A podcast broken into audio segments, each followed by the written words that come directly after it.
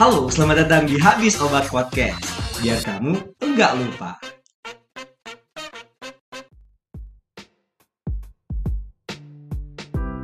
Halo semuanya, selamat datang di Habis Obat Podcast. Masih di pembahasan metode in silico. Nah, kali ini kita akan bahas suatu metode atau suatu proses yang dinamakan dengan optimasi geometri, gitu ya. Oke. Jadi awalnya gini, kita punya suatu struktur senyawa. Contohnya adalah paracetamol. Ketika suatu senyawa ini akan bereaksi dengan targetnya, ya, dicontohkan dengan targetnya atau dengan senyawa lainnya, senyawa ini membutuhkan suatu energi yang biasanya disebut dengan energi aktivasi.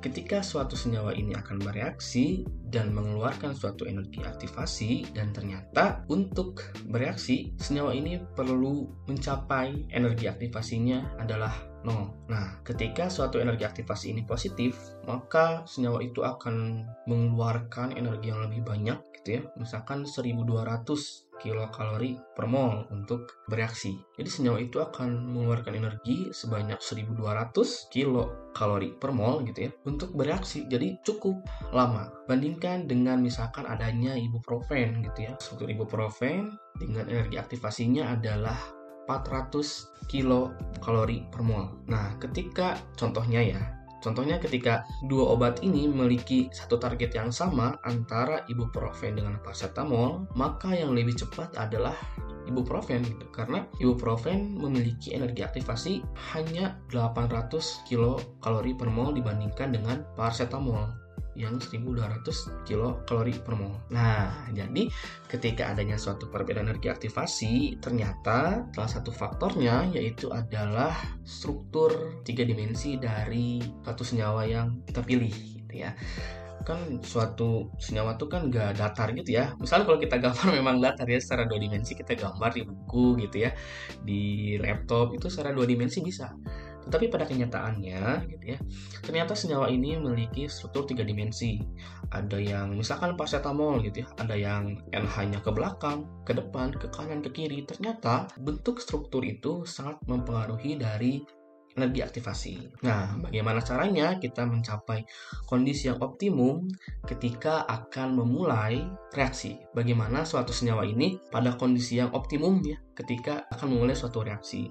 Apakah ternyata hanya harus ke depan, ke belakang, ke samping, ke kanan, ke kiri gitu ya. Nah, proses inilah yang disebut dengan optimasi geometri, yaitu suatu proses untuk mencapai senyawa dalam kondisi yang optimum dalam kondisi yang minimum sehingga ketika senyawa tersebut bereaksi memerlukan energi aktivasi yang lebih sedikit gitu ya. Karena semakin negatif energi aktivasi maka semakin spontan. Ya, contohnya kayak tadi gitu ya ternyata energi aktivasinya positif nih gitu ya. Berarti kan reaksinya itu tidak akan spontan. Karena apa? Karena senyawanya akan mengeluarkan energinya sendiri untuk mencapai 1200 kilokalori per mol tadi yang paracetamol. Sedangkan jika energi aktivasinya negatif ya berarti itu reaksi spontan langsung berjalan. Nah, itulah prinsip dari optimasi geometri ya, mencapai kondisi optimum suatu senyawa yang nantinya akan bereaksi. Nah, selanjutnya gini nih. Dalam melakukan optimasi geometri secara in silico, banyak sekali software yang digunakan. Ada Avogadro, lalu juga ada Gaussian, dan ada yang berbayar dan tidak berbayar. Nantinya, dalam suatu software ini, kita akan melakukan pemilihan. Misalkan, akan menghitung energi homolumo bisa menggunakan optimasi frekuensi. Ini contoh saya contohkan yang ada di Gaussian ya, di Gaussian. Dan ternyata ketika akan melakukan optimasi geometri itu pun perlu ada beberapa parameter yang tadi. Misalkan optimasi plus frekuensi. Untuk melihat sebenarnya awal dan akhirnya nilai dari energi aktivasi dari suatu senyawa itu berapa. Kan nanti akan berbeda teman-teman. Ketika awalnya energi aktivasinya itu adalah 200 kilo kalori per mol sebelum optimasi dan ketika sudah dioptimasi itu akan menjadi biasanya gitu ya berkurang akan menjadi minus 500 kilo kalori per mol. Nah, itulah tujuan dari optimasi geometri. Dan juga misalkan akan menghitung energi homo dan lumo gitu ya. Nah itu kalian mungkin bisa dicari sendiri ya homo dan lumo ada high occupied molekular orbital dan lowest occupant molekular orbital. Dan juga ternyata di optimasi geometri ini tidak hanya itu, tidak hanya menghitung itu, kita juga harus menentukan seperti adanya suatu basis set gitu ya. Nanti basis set kalian bisa pelajari di situ ada 631G, ada 321G, itu menunjukkan apa gitu ya. Misalkan ada 6311G itu menunjukkan apa gitu. Dan juga selain basis set, fungsinya juga diperlukan seperti fungsi misalkan B3LYP dan lain sebagainya masih banyak gitu ya kalau misalkan kalian lihat di Gaussian gitu software salah satunya adalah Gaussian.